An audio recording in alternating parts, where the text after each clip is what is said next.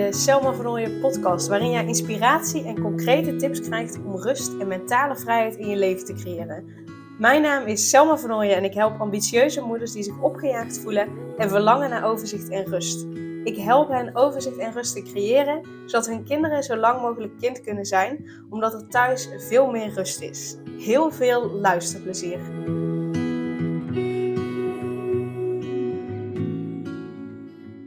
Deze aflevering heb ik een primeur voor je, want ik ben in gesprek met de eerste Vlaamse dame die in deze podcast zit. Uh, en dat is Sharon Cobert. Zij is Accountability Business Coach voor ambitieuze mama's. En samen gaan we in gesprek over hoe je ambitieus zijn en het moederschap met elkaar kunt combineren. Uh, Sharon deelt vooral ook hoe zij dat doet en hoe zij haar bijna drie bedrijven, want ze is bezig met het overnemen van een derde bedrijf, uh, hoe zij dat en het moederschap met elkaar combineert. Dus daar kun je zeker tips uithalen uh, voor jezelf. Ze deelt ook heel veel tips. En ook vertelt Sharon dat ze voorheen, toen ze nog in loondienst werkte, om het minste of geringste kwaad werd. ze zat niet lekker in haar vel. ze zat in die red race en reageerde het af op haar kinderen. En um, in de podcast deelt ze waar dat, door, waar dat door kwam. En vooral ook hoe ze dat heeft veranderd. Dus doe daar zeker je voordeel mee. En uh, volg Sharon vooral ook op Instagram, uh, Sharon Colbert Coaching. En dat staat ook in de uh, show notes, in de omschrijving van deze podcast, staat de link. voor nog meer inspiratie, nog meer tips hoe je ambities en het moederschap met elkaar kunt combineren. En uh, gewoon werk voor een update hoe het met Sharon en de kinderen gaat. En check vooral ook haar website als je interesse hebt om uh, met Sharon samen te werken. Kun je ook altijd op haar website kijken. Uh, voor nu wens ik je in ieder geval heel veel luisterplezier. Welkom Sharon, super fijn in ieder geval dat je tijd hebt vrij willen maken om samen met deze podcast op te nemen. En je hebt sowieso een primeur. Want je bent de eerste Vlaamse dame die bij mij in de podcast is. Dus het is uh, dubbel feest deze aflevering. Um, nou, voordat wij samen in gesprek gaan, zou je jezelf eerst eventjes willen voorstellen? Ja, ik wil je alvast heel erg bedanken dat ik deze kans uh, krijg. Ik ben benieuwd welke termen er naar voren gaan komen die misschien Vlaams en Nederlands wat verschillen van elkaar, maar dat merken we wel tijdens deze podcast. Ik ben zelf Sharon. Op uh, het moment van de opname nu ben ik 37 jaar. Ik heb twee kindjes. Um, een geadopteerd zoontje die er net acht is geworden en een biologische dochter die er binnenkort negen wordt. Uh, ze vindt dat niet leuk dat ze op dit moment even oud is als haar broer, dus ik mag niet zeggen dat ze allebei acht zijn. Ik, um, ja, ik ben nogal actief op heel wat vlakken. Um, ik heb samen met mijn man een onderneming, eigenlijk een fysieke zaak, waar we beweging en bewustzijn samenbrengen. Dus personal training en mindcoaching samenbrengen. To be Ultra noemt die zaak. Daarnaast ben ik met Sharon Cobert Coaching bezig om um, ambitieuze mama's te helpen in hun ambities. Ik uh, ben business coach die vooral wil sparren met mama's, die vooral het belangrijk vindt dat ze de balans tussen het mama zijn of vrouw zijn algemeen blijven behouden met hun onderneming, dat ze stappen blijven zetten. Ik geef ze graag een shot onder hun kont. Ik denk dat dat een typisch Vlaamse uitspraak is. Dus ik zorg er graag voor dat ze gewoon stappen blijven zetten. Um, ik gebruik heel vaak de term accountability, die niet altijd zo gekend is, maar het komt erop neer dat ik echt wel de stok achter de deur wil zijn om, uh, om mama's vooruit te helpen. En op dit moment, ook een beetje een primeur, ben ik nog bezig met de overname van een derde onderneming. Dus ja, ik ben wel iemand die heel wat uitdaging ook nodig heeft om zelf, uh, om zelf gelukkig te zijn. Ja, ja, dus in ieder geval zelf ook ambitieus. Hè? Je helpt andere ambitieuze moeders, maar zelf ook uh, ambitieus. En uh, ik weet nog, toen we met elkaar kennis maakten, dat, dat je vertelde dat mensen in jouw omgeving ook zeiden van... Ja, maar Sharon, hoe doe je dat allemaal? Het lijkt bij jou zo makkelijk, zo goed te gaan. Uh, maar je doet, je doet zoveel en je hebt ook nog een gezin. Hoe doe je dat? Dus bij deze de vraag, hoe doe je dat allemaal? Ja, klopt. Ik krijg wel vaak de opmerking van je bent met zoveel tegelijk bezig. Hoe hou jij al die ballen in de lucht? Nu, het start eigenlijk heel erg met je fundament kennen. Is iets waar ik in coaching zelf ook heel erg de nadruk op leg. Ik weet heel goed uh, hoe ik mijn ideale week eruit wil laten zien. Ik, wil heel, ik weet heel goed ehm, wanneer ik wel en wanneer ik niet wil werken. En op die manier, door dat al heel stevig te hebben, en een huis bouw je ook op fundamenten en niet op drijfzand, door dat al heel stevig te hebben, dat is echt al de eerste stap in het houden van mijn balans. Ik werk bijvoorbeeld maar één avond in de week, uh, omdat mijn man natuurlijk als personal trainer de andere avonden werkt. Het is heel makkelijk om te zeggen van, ja, mensen willen coaching op een avond, ik neem nog een, een babysit of een oppas voor de kindjes, maar dat doe ik niet, heel bewust. En omdat ik dat fundament weet, kan ik dat ook heel makkelijk zeggen van, ja, nee, het is enkel op vrijdagavond dat je s'avonds bij mij in coaching kan komen. Ja, ja mooi. Dus, dus heel duidelijk eigenlijk hebben van, oké, hoe wil ik dat mijn week eruit ziet? Wanneer werk ik wel? Wanneer werk ik niet? Dat is ja. dat fundament wat je, wat je legt. Ja, en dat gekoppeld aan een stukje je persoonlijkheid en je kernwaarden. Ik ben ook wel bezig met wie ben je als persoon. Als je dat helder hebt, dan lukt dat ook. Ik ben bijvoorbeeld een stukje bezig met human design. Mensen die human design een beetje kennen. Ik ben een manifesting generator. Ook logisch dat ik dan met heel veel dingen tegelijk bezig ben. Ben je dat niet en ben je bijvoorbeeld een, een een generator op zich, ja, dan wordt het al moeilijker als je met zoveel ballen tegelijk bezig bent. Dus het past ook gewoon bij wie ik ben als persoon. Um, ik zeg altijd, vergelijk je niet met iemand anders, maar je hebt gewoon een andere persoonlijkheid. Dus niet wat voor mij past, dat dat voor iemand anders ook past. Ja, ja nee, nee dat, dat sowieso inderdaad. Dus het is jezelf goed kennen, wat, wat je nodig hebt, uh, uh, maar ook wat je, ja, wat je kunt, zeg maar. Om het even zo te zeggen. Met daarbij het fundament van, oké, dan wil ik wel werken, dan wil ik niet werken. En je daar ook aan houden. Want er zijn natuurlijk ook mensen die zeggen, ik wil maar één avond in de week werken en dan alsnog vier avonden in de week uh, vol zitten. Ja, absoluut. Maar als je daarmee start, ik had um, enkele maanden terug heel veel aanvragen voor avondcoachings. En dan is het heel verleidelijk om te zeggen van, oh, ja, ik vraag um, Omi en Opie om even een avond extra op de kinderen te passen. Maar dan denk ik, nee, nee, nee. Keer even terug naar je fundament en daar gaat het om. Nee, je werkt één avond in de week, dus we gaan dat niet doen en we zoeken naar andere oplossingen. Wat uiteindelijk ook lukt. Ik heb nu mensen die bijvoorbeeld tijdens een lunchpauze komen. Uh, dus er zijn altijd wel oplossingen, maar het is heel makkelijk om mee te gaan in ja, wat ze vaak noemen de red race. En, en we doen het maar gewoon allemaal. Um, maar ik denk echt na van, past het bij wie ik ben en wat ik wil? Um, dat is ook een beetje de reden waarom dat ik nu bezig ben met de overname van uh, die derde onderneming. Heeft helemaal niks met coaching te maken. Het heeft met plantjes te maken. Ik ga er nog niet te veel over uitweiden. Um, iets totaal anders, maar dat zorgt er voor mij voor dat ik nog altijd met mijn ambities bezig ben. Maar tegelijkertijd, als ik dat ga moeten uitwerken, dan kan ik even ontkoppelen ik ga echt moeten aarden, letterlijk en figuurlijk, met mijn handen in de aarde zitten. En dan koppel ik even los van continu in mijn hoofd zitten, want coachen is in je hoofd zitten. Ja, ja, ja zeker. En ik denk dat je daar ook een, een mooie zegt, hè, dat, dat je had heel veel aanvragen om s'avonds uh, te coachen. Nou, het is verleidelijk om daarin al snel mee te gaan. Maar dat op het moment dat jij teruggaat naar je fundament, teruggaat naar je basis, ik wil maar één avond in de week coachen, dat er dan wel een andere oplossing te vinden is. Als iemand namelijk echt met je wil werken, dan gaat die persoon ook nog wel kijken van oké, hoe kan ik dat dan doen en, en wat zijn de mogelijkheden? En ik denk dat mensen uh, um, al snel bang zijn dat ze daardoor klanten mislopen of omzet mislopen. En misschien wel, hè, misschien wel dat die ene persoon dat het niet lukt, maar dan komt er weer iemand anders voor in de plaats die wel binnen dat plaatje past. Ja, voilà. Helemaal dat. Of ze wachten eventjes wat langer, omdat ze weten van het kan dan enkel op vrijdagavond en we wachten gewoon even langer.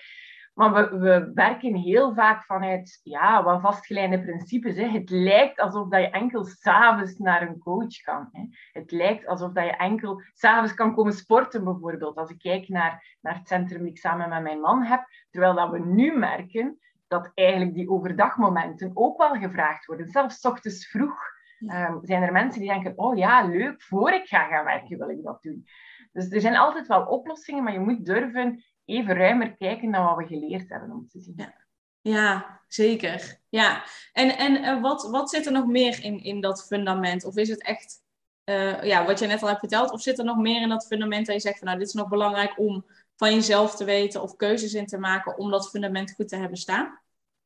Ja, bij mij gaat het, zoals ik zei, heel erg over hoe zie ik mijn leven, hoe wil ik het vorm gaan geven, ehm, wat is mijn persoonlijkheid, kernwaarden, wat zijn jouw kernwaarden, wat is voor jou heel erg belangrijk. Um, dat is ook eentje waar ik, die ik altijd meeneem in het verhaal, van wat zijn de kernwaarden waarmee dat je aan de slag wil.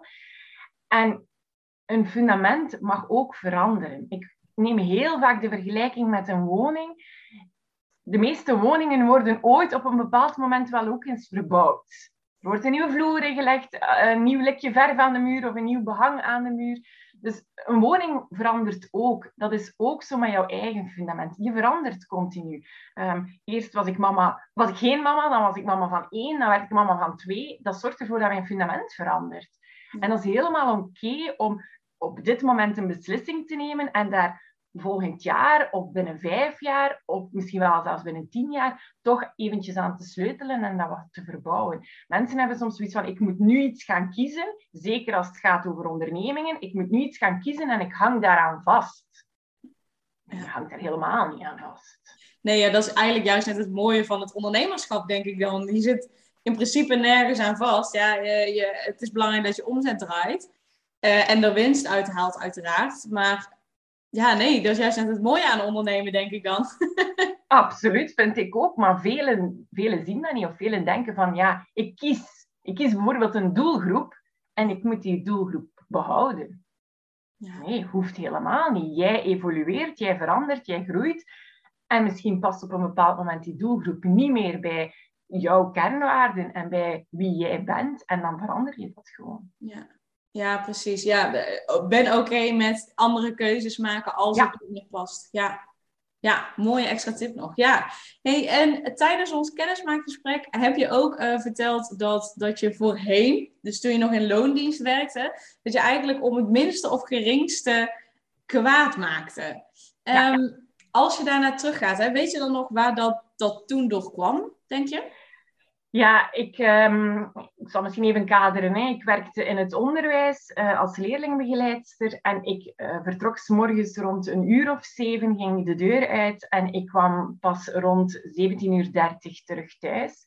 Um, mijn man vertrok toen om 18 uur, ongeveer een half uurtje later na zijn werk. Dus dat was altijd heel kort dat we elkaar zagen. Dat was zo precies de overdracht van de kindjes en niet meer. Um, maar dat was heel erg een gejaag. Ik had het gevoel continu dat ik in gejaagdheid leefde. Ik moest maken dat ik snel, snel um, thuis was, want anders stonden mijn kindjes even helemaal er alleen voor. Ja, dat gaat niet met kleine kindjes. Um, ik had het gevoel dat, dat ja, ik werd op zoveel manieren getrokken aan alle lichaamsdelen van mij. Ik moest voor school van alles doen. Er waren dan avondvergaderingen. Eh, ik wou er ook wel zijn voor de kindjes, maar ik was er vaak niet voor de kindjes. Dan kom je in die avondrush terecht, eh, eten geven, ze wassen, in bed krijgen. En ik dacht van, waar ben ik mee bezig? Ik had echt zo het gevoel van, ik ben maar wat aan het hollen. Um, ooit zei er een coachie van mij, um, of nam de vergelijking van, het leven is precies als een TGV. En ik ben er met mijn fiets achteraan aan het hollen. En toen ze mij dat zei, dacht ik, ja, dat is nu net het gevoel die ik ook had. Alles race maar verder en ik kan niet meer mee. En als ik er nu op terugkijk, dan denk ik, ik was op dat moment niet aan het leven volgens mijn fundament. Ik was niet aan het leven volgens wat ik eigenlijk nodig heb om gelukkig te zijn. En ik reageerde dan natuurlijk af op de kindjes. Ik had geen energie meer over. Ik had um, ja, geen rust in mezelf. En dan deden de kindjes iets en dan ging mijn gemoeder in de lucht in en dan, ja, dan werd ik kwaad op hen. En toen dacht ik, nee, dit is niet wat ik wil. Dit is niet de manier waarop ik verder wil. Ja, ja want waardoor heb je dat toen dan veranderd? Wat heb je ik ben in eerste... Ja, ik ben in eerste instantie, um, ik heb dat eigenlijk vrij snel gemerkt uh, na de komst van mijn uh, zoontje. Um, ik ben negen maanden thuis geweest toen we uh, Mamadi uh, zijn gaan ophalen. En ja, die negen maanden heeft echt rust gebracht. Hè. Uh, het is een heftige periode met zo een, een, kleintje erbij. Maar ik had die rush niet meer. Ik was nergens toe verplicht. Het enige die er was, was dat mijn dochtertje, die toen al naar school ging, op tijd op school moest zijn en moest opgehaald worden op school. Um, in de laatste maanden dat ik thuis was, was mama die dan ook al uh, naar school aan het gaan. Dus ik had gewoon heel veel rust. En ik ben 1 december opnieuw beginnen werken. En ik merkte dat eigenlijk al heel snel van, oh nee, dit is niet oké. Ehm, en ik heb dan op uh, eh, 1 januari, en ik stond in het onderwijs, dus nadat de kerstvakantie voorbij was, heb ik eigenlijk onmiddellijk 4 vijfde beginnen werken. Dan heb ik gezegd van, ik ga voor mezelf kiezen um, en ik ga daarin minderen. Uh, dus ik, de eerste stap was dat toelaten bij mezelf, dat ook uitspreken naar mijn man toe en aangeven van zo wil ik het niet verder, ik ga op zoek naar iets anders of ik ga op zoek naar hoe ga ik mijn leven vormgeven en dan ben ik in eerste instantie 4 vijfde beginnen werken. Ja. Ja, ja dus dat de, de eerste stap was erkennen, herkennen, voelen dat, uh, dat dit niet meer is wat je wilde. En daarin dan dat bespreekbaar maken en daarin een eerste stap maken. En dat, dat was voor jou dan vier vijfde werken, maar dat kan voor iemand anders kan het natuurlijk anders zijn. Uh, maar je hebt uh, niet meteen ontslag genomen en gezegd, nou, dit is het. Maar de tijd genomen om te kijken van, oké, wat, wat is mijn fundament? Ja, inderdaad, ik, ja, je zit natuurlijk ook vaak in een gouden kooi. Hè? Zo het verhaal van de gouden kooi. Ehm, ik ben nog altijd vast benoemd trouwens, ondanks dat ik in verlofstelsel zit, maar vast benoemd in het onderwijs. Ik weet niet of dat net dezelfde regeling in Nederland is. Maar in België zorgt dat voor heel veel zekerheid. En heel vaak hebben mensen het lastig met zekerheid los te laten. En dat was bij mij in het begin ook echt wel zo. Ik wist ook helemaal niet, wat wil ik dan gaan doen? Um, ik had geen zin om van de ene job in de andere job te springen. Ik was toen helemaal ook nog niet bezig met het idee van oh, ik ga gaan ondernemen. Um, dat was eigenlijk nog niet echt aan de orde. Mijn man had al een aantal keer zo'n visje geworpen van misschien moeten we samen iets gaan doen, want die was toen wel al aan het ondernemen. Um, maar door die tijd te nemen en door even terug op de rem te gaan staan, is dat wel gegroeid, dat zaadje van oké, misschien moeten we samen gaan ondernemen en hoe kunnen we dat doen en wat gaan we dan in het leven zetten. En dan heb ik eigenlijk vrij snel ook beslist om extra opleidingen te gaan volgen, om te gaan, wat ik een stukje deed binnen leerlingbegeleiding, socio-emotionele uh, problematieken um, bij de leerlingen, om dat te gaan vertalen naar oké, ik ga met volwassenen aan de slag, um, extra opleidingen rondgeworden. Dus die stapjes zijn bij mij wel stelselmatig stapje per stapje gegaan. Ja. ja, mooi dat je dit ook zo benoemt, dat dat stap voor stap is gegaan. Je hoeft niet ineens rigoureuze keuzes te maken. Uh, je hoeft ook niet, als je een keuze maakt, dus vier, vijf gaan werken bijvoorbeeld, al meteen te weten, oké, wat gaat daarvoor in de plaats komen? Wat ga ik daar doen? Als ik jou zo hoor, is dat bij jou dus ook echt ja, gegroeid. Uh, doordat je een stap terugnam, doordat je wat meer rust kreeg ja, ik geloof dat er dan pas inderdaad echt ruimte ontstaat om te ontdekken, oké, maar wat mag het dan wel zijn? Ja, ja je, vertrekt vanuit een soort rust en niet vanuit, stel dat ik onmiddellijk zou zeggen van oké, ik neem ontslag, dan, dan neem je ook onmiddellijk weer die druk van, wat nu? En ik denk, had ik dat gedaan, had ik waarschijnlijk gewoon in een andere job in loondienst was terechtgekomen. En misschien zaten we nu in een gesprek waarin ik zei, oh, nee, het lukt me niet meer. Ehm, maar ik, ben, ik heb echt gewoon de tijd wel genomen. Ik wil niet zeggen dat iemand anders die tijd nodig heeft. Het kan even goed zijn dan net door heel strikt te zijn van oké, nu is het genoeg, ik stop hiermee. En dan kijk ik wat er komt, dat het, dat het even goed kan lukken. Maar voor mij voelde dat op dat moment niet oké. Ik was eventjes mezelf kwijt. Ja, ja. ja en ik, ik denk dat het mooi is om, om uh, uh, dit op deze manier wel te delen. Omdat ik me kan voorstellen dat, dat veel mensen denken, ik moet rigoureuze stappen maken. En dat ze daardoor geen keuzes maken, geen stappen zetten en daardoor nog twee jaar op dezelfde plek zitten. Dus uh, mooi dat je dat op deze manier deelt. Uh, ja, dankjewel. Ja, graag gedaan. en um, waar ik nog benieuwd naar ben, hè, want jij helpt ambitieuze moeders. Hoe zie jij ambitieus zijn en het moederschap? Hoe zie je die combinatie? Ja, um, heel vaak denken mensen, als je ambitieus bent, ben je er dan nog wel genoeg voor de kinderen. Hè? Als we zeker kijken naar, naar bijvoorbeeld tv, je moet maar eens kijken naar een of andere film of, of een serie, dan gaat het heel vaak over ambitieuze dames, zijn zo de dames in mantelpakken die gewoon keihard CEO zijn van een of ander topbedrijf.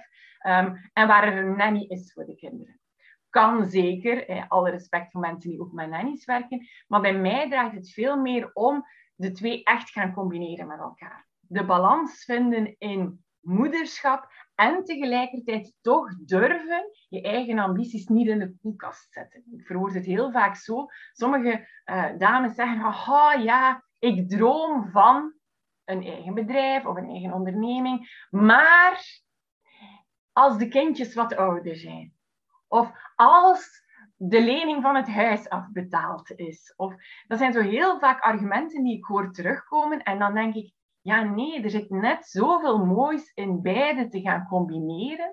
Ehm, ik merk dat nu bijvoorbeeld al bij mijn dochtertje. Uh, de onderneming waar ik mee bezig ben om over te nemen, zij is er super enthousiast over en zij noemt dat al ons bedrijfje. Dus voor haar is dat echt zo, we gaan dat samen doen. En dat zijn waarden die ik haar aan het meegeven ben, die nooit het geval zouden geweest zijn als ik zou gewacht hebben tot ze 16, 17 jaar is. Um, mijn man en ik, onze kinderen moeten nooit naar de voor- of naschoolse opvang, omdat wij onze uren zo op elkaar hebben afgestemd. Dat is nu natuurlijk het voordeel dat we allebei ook ondernemen.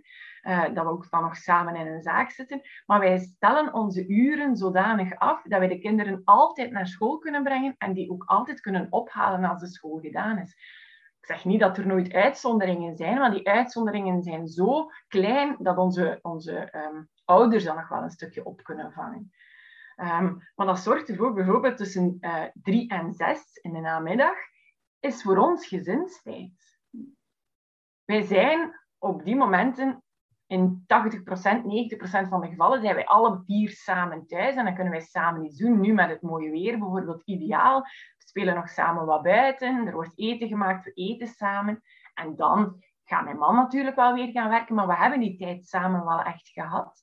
Um, dus het gaat heel erg voor mij om balans vinden tussen beiden. Tussen jouw ambities durven uitspreken en er durven voor te gaan. En tegelijkertijd het gevoel hebben van ik ben ook een aanwezige mama ik ben er ook wel voor de kindjes. Ja, ja ik, ik, uh, tenminste wat ik wel vaker hoor is dat mensen bang zijn dat ze dan geen goede moeder meer zijn of zo, als ze hun ambities achterna gaan. Of dat, ja, nee, je kunt inderdaad gaan op zoek naar de mogelijkheden die er zijn om die twee dingen te combineren. Want ik vraag dan altijd, hè, wat wil je je kinderen meegeven? Wil je dat je kinderen hun dromen uitstellen?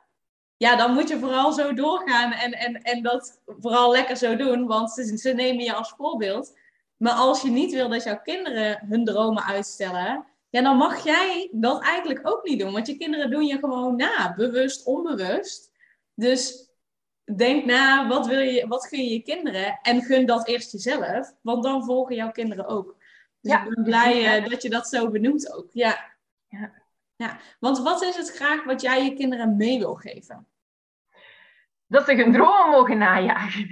ik denk dat, dat, dat daar het om gaat. Dat, um, dat je mag veranderen en dat je mag keuzes maken. Ook al zegt een omgeving vaak van, Hé, wat een rare keuze. Uh, een voorbeeldje bijvoorbeeld. Um, ik draag altijd twee verschillende sokken. Nu, dat is gekomen, een beetje lang verhaal. Um, mensen die dat willen weten, ga eens terug op mijn Instagram gaan scrollen, maar je moet een jaar of drie terug scrollen.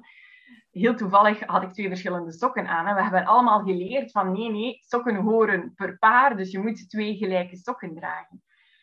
Ik ben mindsetgewijs daar, ik heb daar een experimentje rond gedaan, ik ben dat blijven doen. Ondertussen doen mijn kinderen dat ook al zeer bewust. Onlangs stond mijn zoontje naast mij, die had twee verschillende sokken aan en een korte broek. Dus dat viel extra op bij hem. En hij zei van, ja, ik ga zo naar school.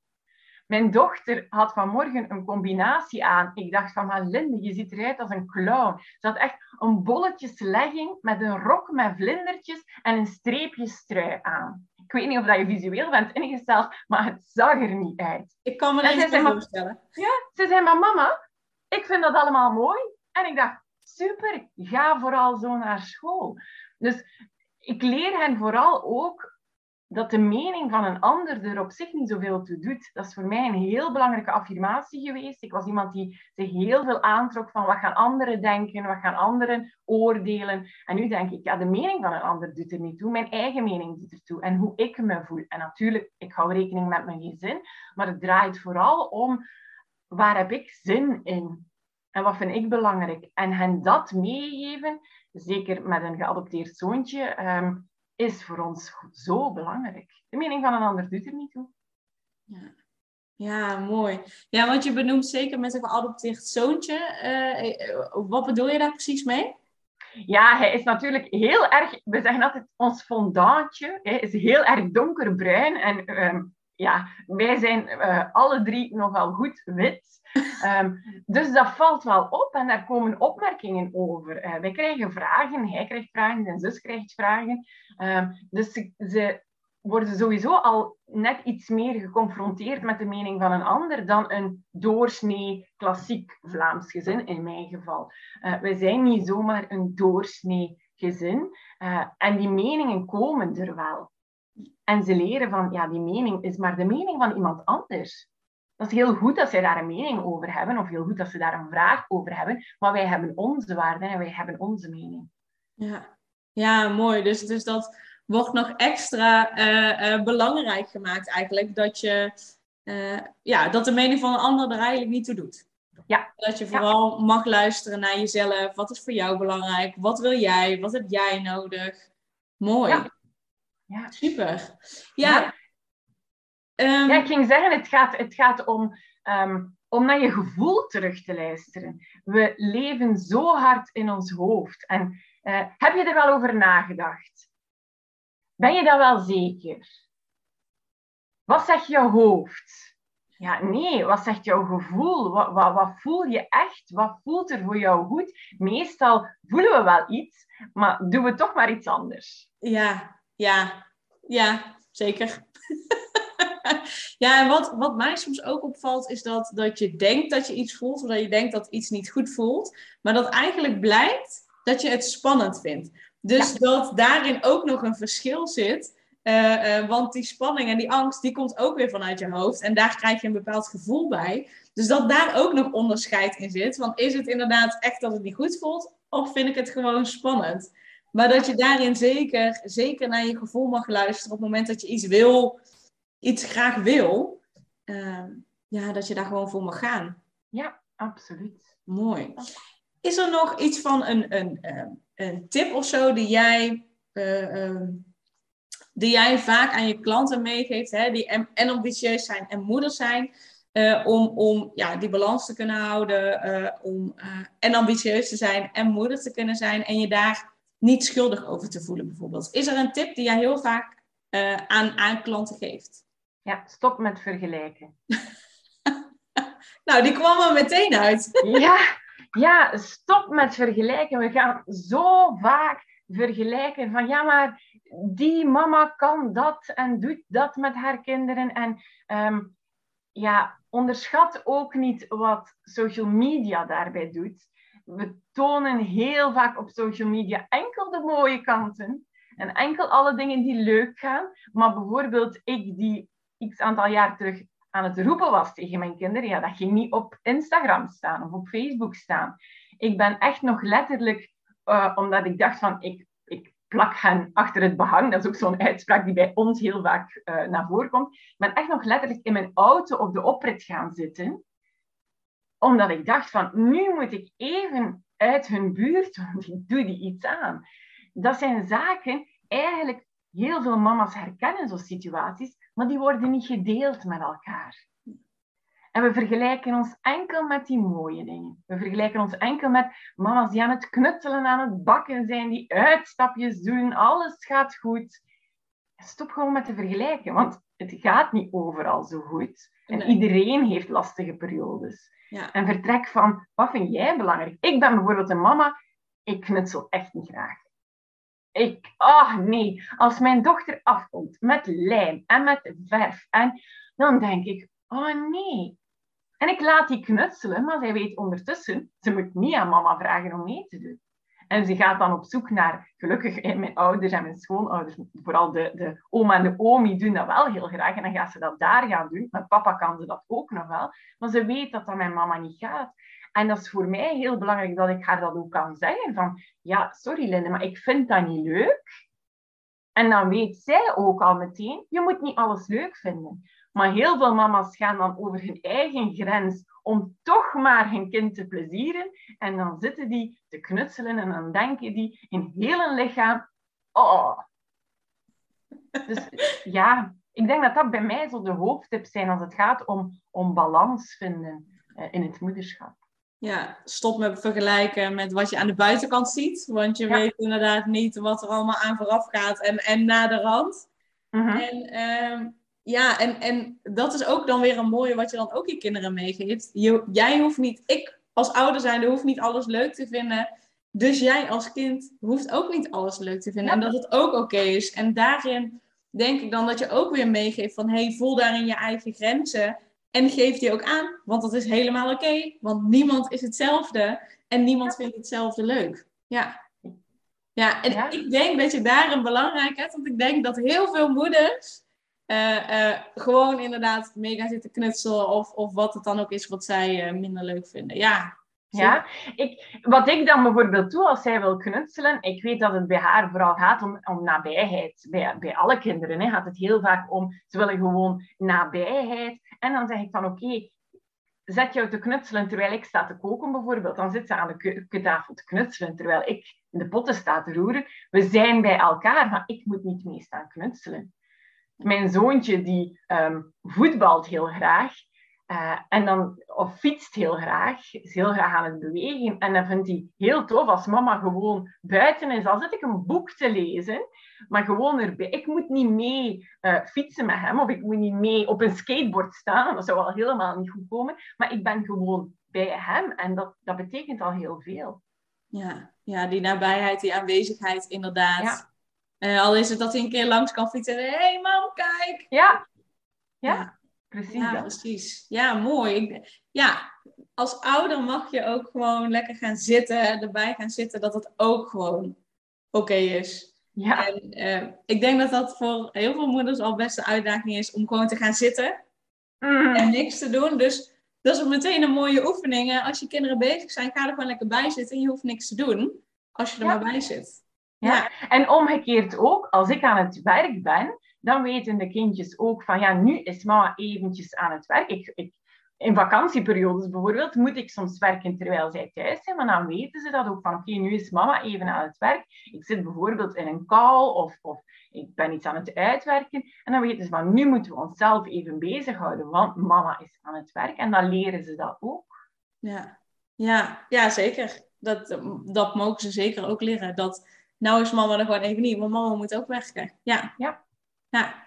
Wat, um, wat zou je nog willen zeggen tegen die, die ambitieuze moeders die alle ballen hoog aan het houden zijn, die, die uh, niet de rust voelen om even bij hun kinderen te gaan zitten? Wat zou je, ja, wat zou je tegen hen willen zeggen? Laat de ballen in eerste instantie even vallen. Klinkt nog mooi, laat ze vallen. Ja. Je hoeft niet, je hoeft echt niet al die ballen continu in de lucht te houden.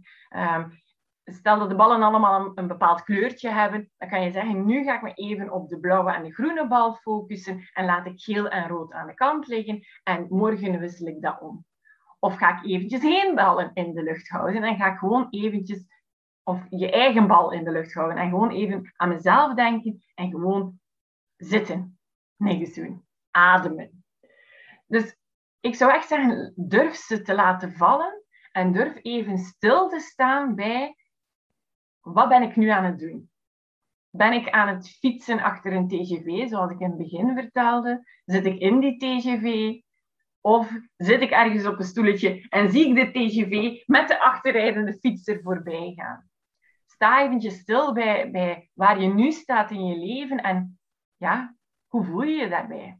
Ja, ja. en vanuit die stilstand komen weer eventuele nieuwe stappen. Of misschien realiseer je, nee, dit is wel wat ik wil. Alleen ik mag misschien wat vaker daarbij stilstaan of zo. Ja, ja. Ja, mooi. Ja, waar kunnen mensen jou het beste volgen als ze uh, nog meer uh, inspiratie en tips en informatie van je willen? Ja, ik ben het meest actief op Instagram. Dus ik zou zeggen, uh, kom naar Instagram, volg me op Instagram, Sharon Cobert Coaching. Uh, ik vermoed dat dat ook wel in jouw show notes of zo zal staan, want een moeilijke naam soms. Um, maar daar ben ik het meest actief. Daar geef ik uh, zicht op wat ik doe, geef ik heel wat tips mee. geef ik ook behind the scenes over hoe het met mij en de kindjes gaat. Um, dus dat is de plek om mij het meest te volgen. Yes. Top. En uh, op het moment dat ze misschien met jou willen samenwerken, hoe kunnen ze dan contact met je opnemen? Ja, ik kan gerust via, uh, via Instagram mijn DM sturen, reageer ik heel snel op. Of gewoon naar mijn website gaan, www.sharoncobert.be. Daar kan je ook altijd een uh, gratis intake call inboeken om te kijken wat we voor elkaar kunnen betekenen. Of de klikker is van, dat vind ik heel belangrijk. Um, de klik moet er van beide kanten zijn. dus dat is ook een optie. Yes. Top. Nou ja, sowieso inderdaad. Die uh, twee links die zet ik uh, in de show notes in de omschrijving. Dus dat, uh, dat ja. is goed. Um, is er nog een laatste boodschap voor de luisteraar waar je mee af zou willen sluiten? Oh ja, daar heb ik niet over nagedacht. Um, ja, het eerste dat zo in mij opkomt is, ik gebruik heel vaak een quote van Nelson Mandela. Dat is voor mij zo een beetje een, een figuur waar ik heel veel bewondering voor heb. Um, die mij ook wel wat richting geeft in wat ik doe. En ik gebruik heel vaak de quote van hem: A winner is a dreamer who never gives up. Dus we dromen allemaal heel vaak over, oh, had ik maar, was het maar zo, als ik de Euromillions win dan. Um, maar hij zegt van, oké, je mag dromen, maar durf er ook voor te gaan. En je, je slaagt maar als je echt gewoon niet opgeeft, als je stappen blijft zetten. Dat is voor mij een heel krachtige quote, die zo'n beetje het uitgangsbord ook van mijn coaching geworden is. En dat is misschien nog wel een mooie om mee af te schrijven. Ja, ja mooi. A winner is a dreamer who never gives up. Dat is het. Ja, ja dat is het. Ja. Nou, dan sluiten we met die mooie laatste boodschap af. Sowieso uh, ga Sharon volgen op uh, Instagram voor inderdaad meer tips en inspiratie. En om te kijken hoe het met, uh, met kindjes gaat. En uh, met Sharon uiteraard ook. En uh, super dankjewel in ieder geval voor het luisteren. Jij Sharon, nogmaals super dankjewel voor je tijd. En ehm, ja, ik wens iedereen een hele, hele fijne dag. Ja, en dat wens ik ook.